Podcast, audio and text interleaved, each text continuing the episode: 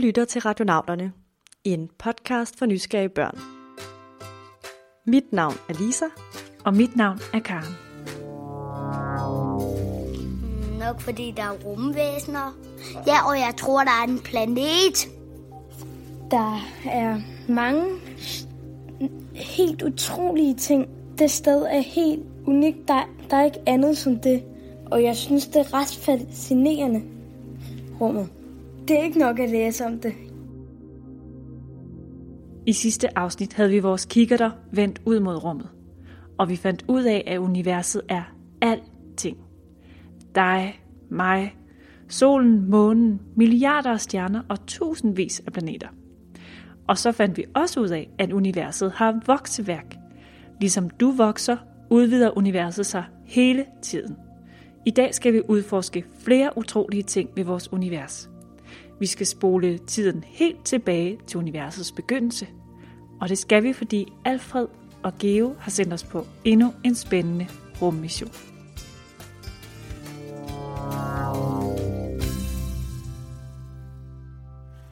Hej radionauter, jeg hedder Alfred, jeg er 8 år, jeg bor i Ramsavs Minde, og mit spørgsmål er, hvordan blev rummet skabt? Hej, jeg hedder Geo. Jeg er 8 år. Jeg vil gerne spørge om, hvad er ingenting, og hvordan opstod alting ud af ingenting ved Big Bang? Lisa? Lisa?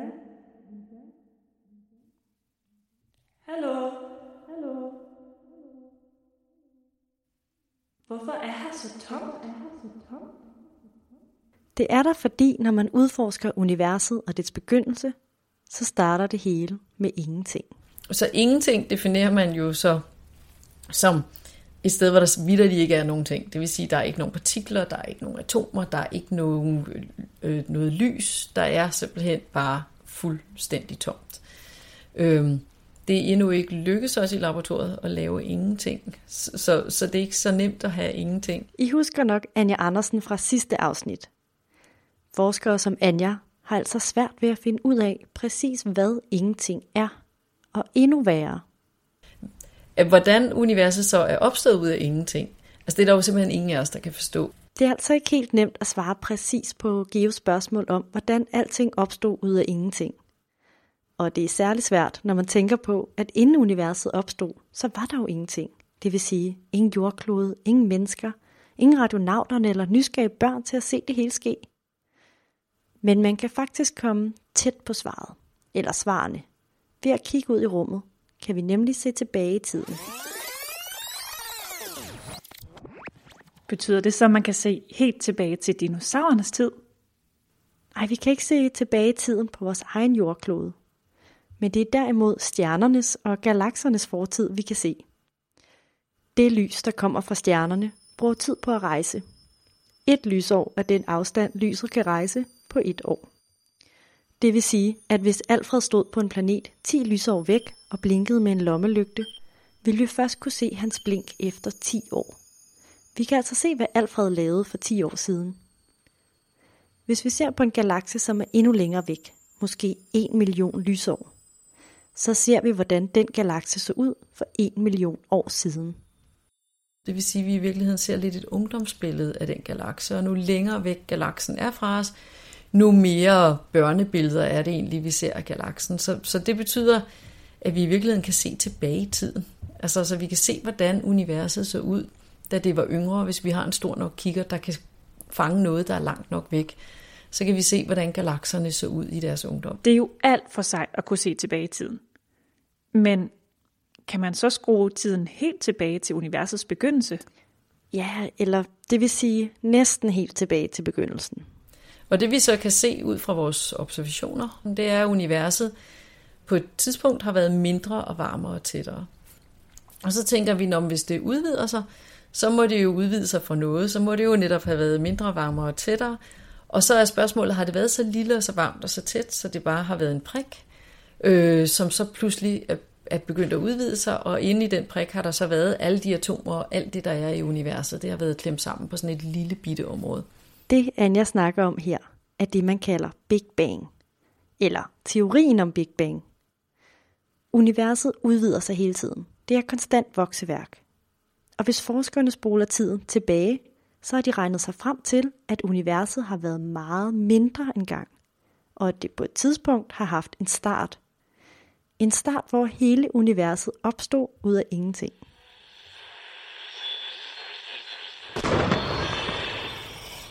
Ja, jeg har hørt noget om, øhm, at Big Bang skabte noget, skabte universet øhm, mindre end et, kn- end et knaphul. Det blev til selve universet. Men jeg ved ikke, hvordan Big Bang blev skabt. Big Bang betyder det store brag på engelsk. Jeg forestiller mig, at det måske så ud som en nytårsraket. Med en masse flotte farver og et stort brag. Kan du forestille dig det? Vores kæmpe univers voksede ud fra en lille prik. Mindre end et knappehul, som Geo siger. Men hvordan kunne det udvikle sig til at være et univers fyldt med stjerner og planeter, som vi ser i dag? Ja, det er ikke helt nemt at blive klog på. Men der er mange, der forsøger. Og særligt et sted på jorden er de ret godt på vej. Prochain arrêt, Cerne. Terminus. Hvad var det for et sprog? Det var fransk. Jeg er nemlig taget en tur til Frankrig, eller faktisk til grænsen mellem Frankrig og Schweiz, til noget, der hedder CERN. Det er en masse bygninger og en stor hvid globus. Det ser måske ikke så vildt ud udefra, men indeni foregår der et helt vildt eksperiment. På CERN forsker de nemlig i universets opståen. Parlez-vous français? Ej, pjat. Man behøver heldigvis ikke tale fransk med dem, for der er forskere fra hele verden med i det her eksperiment. Også fra Danmark. Så er det her, man kan se, at der bor danskere, for der er sådan et kort.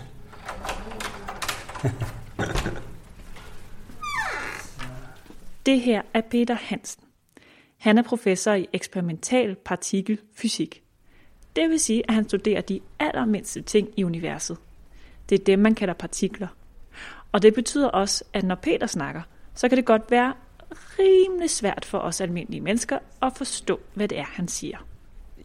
Der har været tale om en eller anden kvantemekanisk øh, fluktuation, som det hedder. Ikke noget, der tilfældigvis opstår af ingenting. Men det, han siger, er faktisk mega vigtigt, for det handler om, hvad der skete, dengang universet blev til og fik meget pludselig vokseværk. Men inden vi kommer så langt, så vil jeg lige prøve at give dig et indblik i en partikelfysikers verden. Prøv at kigge på din hånd, og prøv så at kigge på en negl på din finger. Og lyt godt efter. Der går igennem øh, min negl her 10 milliarder neutrinoer fra solen igennem her per sekund. Ikke sandt? Uden at man mærker det.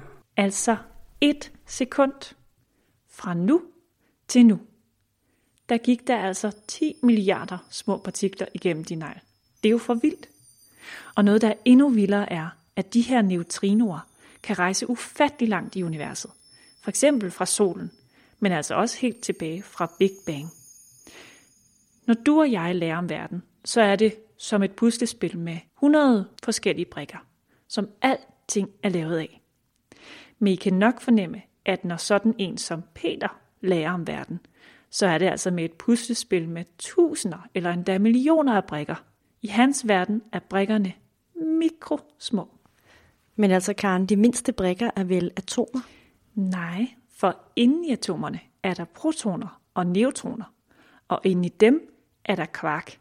Ikke kvark som i en frø, kvak, kvak, men noget, der er så småt, at det langt fra kan ses med øjet. Sejt. Men hvad har de her ufattelig mange bitte små partikler omkring os med Big Bang og universets udvikling at gøre? Lad os spole tiden tilbage, så langt tilbage som det overhovedet er muligt, nemlig til universets begyndelse.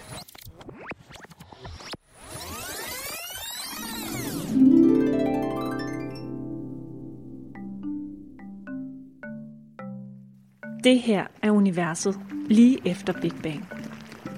Det er som en boblende suppe. Det er meget, meget, meget varmt. Varmere end solens kerne. Og fyldt med energi. Hele universets energi. Der er en masse bitte små partikler i den her suppe. De vilde små partikler, de flyver rundt i suppen i en vild fart. Og hvad sker der nu? De små partikler støder ind i hinanden, og så smelter de sammen. Og imens udvider universet sig i en hæsblæsende fart. På bare et sekund vokser det fra at være mindre end et sandkorn til at være 1 milliard kilometer stor ballon. Big Bang er sket. Og nu koger suppen lidt mindre. Ja, for i takt med at universet bliver større, så bliver det altså også køligere. Ikke koldt, det er stadig lige så varmt som solens kerne. Men jeg synes ikke, der er noget lys at se. Nej, for lys det kommer der faktisk først efter et par hundrede tusind år. Ligesom at de byggesten, der skal blive til dig og mig, heller ikke er der i den første tid. Vores klode og os mennesker kommer først mange milliarder år senere.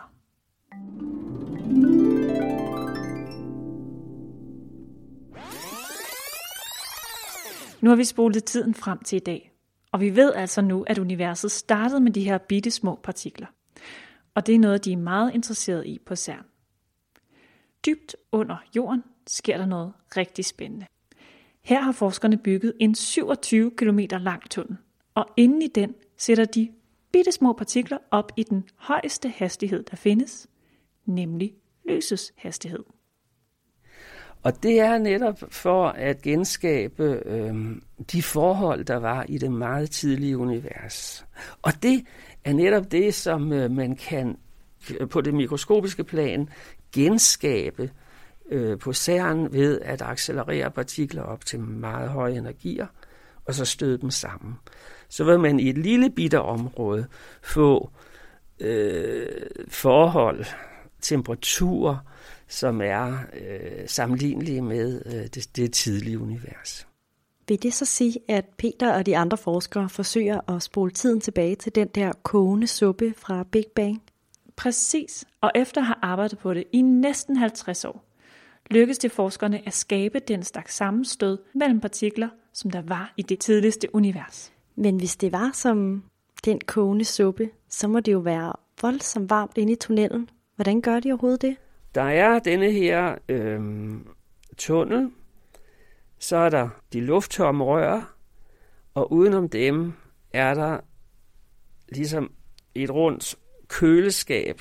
Fordi det bliver så varmt, når partiklerne flyver rundt, så har de altså det her runde køleskab til at sørge for at holde temperaturen nede.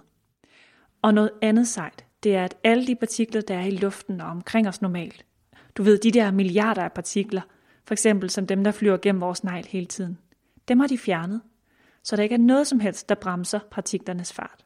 Men hvad sker der så, når partiklerne støder sammen i tunnelen? Så bliver noget af den energi brugt til at producere nye partikler, andre partikler. Det er jo ligesom ved Big Bang. Kommer der så et kæmpe brag dernede? Nej, det gør der faktisk ikke. Og Peter fortalte os, at Big Bang var altså ikke en eksplosion, som vi forestiller os det. Nej, det var ikke en eksplosion, sådan som vi øh, forstår en eksplosion. Det var et øjeblik, hvor det hele begynder at udvide sig. Hvor universet er vokset fra størrelsen af en proton meget, meget mindre end en knappenål. Altså virkelig meget mindre. Milliarder gange mindre end en knappenål til størrelsen af en øh, grebfrugt på altså en milliardendel sekund. Peter og de andre forskere på CERN er nået så langt, at de nu kan studere, hvad der sker, når partiklerne støder sammen.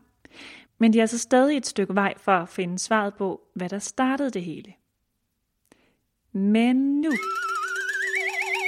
er det blevet tid til en udfordring. Lyt godt efter. Kan du gætte på det her? Det er starten på noget meget stort.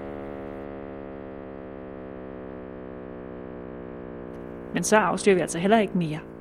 Hør svaret sidst i programmet. Selv de klogeste forskere i Danmark, og ja, endda i verden, kan altså ikke svare fuldt ud på Geos og Alfreds spørgsmål om, hvad der egentlig skete ved Big Bang og universets fødsel. Men hvorfor det begyndte at udvide sig? Og præcis hvad der kom fra, og endnu, endnu værre, hvad der var før, det kan vi faktisk ikke sige noget om. Altså, for det kan vi ikke observere. Så alle har jo lov til at tænke over det og have en mening om det, men, men som fysiker kan vi ikke sige noget mere konkret. Så der er jo masser, der har tænkt, kunne man forestille sig, at der var en masse paralleluniverser, sådan så man kunne forestille sig, at der ligesom bare var en, anden, en masse universer, der gik i gang samtidig. Øh, så er der nogen, der siger, kan det være, at universet måske er sådan lidt pulserende, altså sådan, det var et andet univers, som der skete et eller andet med, som så gjorde, at det begyndte forfra-agtigt. Så kan jeg kun sige, ja, man kan forestille sig stort set hvad som helst, fordi vi ved det ikke. Der er altså stadig mange spørgsmål. Men det betyder ikke, at forskerne ikke kender dele af svaret. Dem har de blandt andet fundet ved at studere de allermindste partikler i store tunneller under jorden. Men jo også ved at kigge op, ud i det store univers. For ved at kigge op, kan astronomer med deres kikkerter se hele 13,7 milliarder år tilbage i tiden. Tilbage til det helt tidlige univers. De kan ikke se tilbage til den boblende suppe, for da universet var helt nyfødt, der var det bare en lille tæt tåget klump. Og der var ikke noget lys, der kunne slippe væk derfra. Og når der ikke er noget lys, så kan astronomerne ikke se det i deres kikkerter. Det var først, da togen lettede for de her 13,7 milliarder år siden, at de første lysglimt kom fra det spæde univers. Og nu ser jeg lyset klart. Nu er togen helt forsvundet. Og nu ser jeg lyset klart. Det gør himlen ny for mig. Og det lyser varmt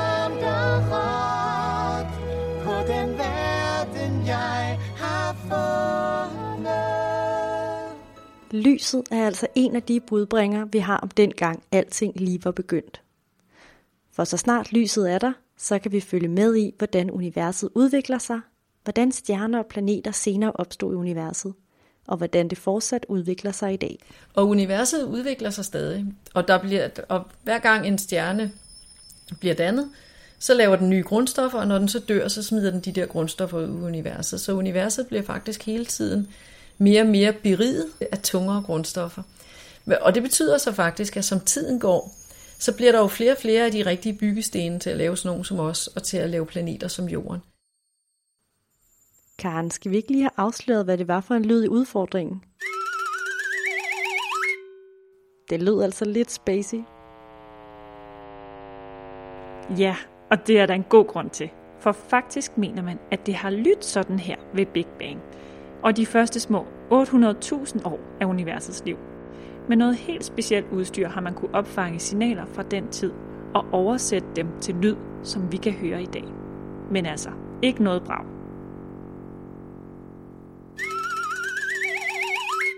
Det er altså ret utroligt, at man i dag kan finde både lys og lyd og bitte små partikler ude i universet, der er næsten 14 milliarder år gamle.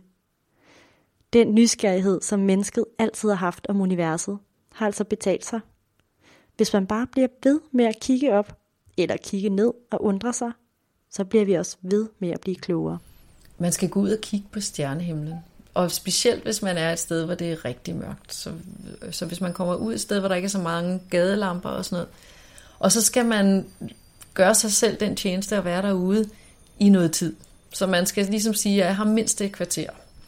Og så vil man simpelthen opleve det, når man er ude i mørket rigtig længe. Og så bliver øjet vendet til mørket, så får man det, man kalder nattesyn. Og når man får det, så kan man pludselig se mange flere stjerner. Og så vil man faktisk få sådan den lidt magiske fornemmelse nogle gange af, at det er ligesom stjernerne kommer tættere på. Man kan nogle gange få sådan en helt fornemmelse af, at hvis man bare rakte hånden op, så kunne man røre ved dem. Jeg tror, jeg skal have noget varmt tøj på. Men kigger det med, og så vil jeg altså ud og kigge på universet. Vil du med, Lisa? Det vil jeg meget gerne. Men inden vi går, skal vi lige sige et stort tak til Alfred og Geo for jeres spørgsmål, der har sendt os tilbage til altings begyndelse. Og så et stort tak til Peter og Anja for at dele ud af jeres store viden. Og så vil vi da også gerne ønske jer alle sammen en rigtig glædelig jul. Og radionavlerne vender stærkt tilbage i det nye år. Husk, at I kan finde os både på vores hjemmeside, radionavlerne.dk og på Facebook. Tak fordi I lyttede med.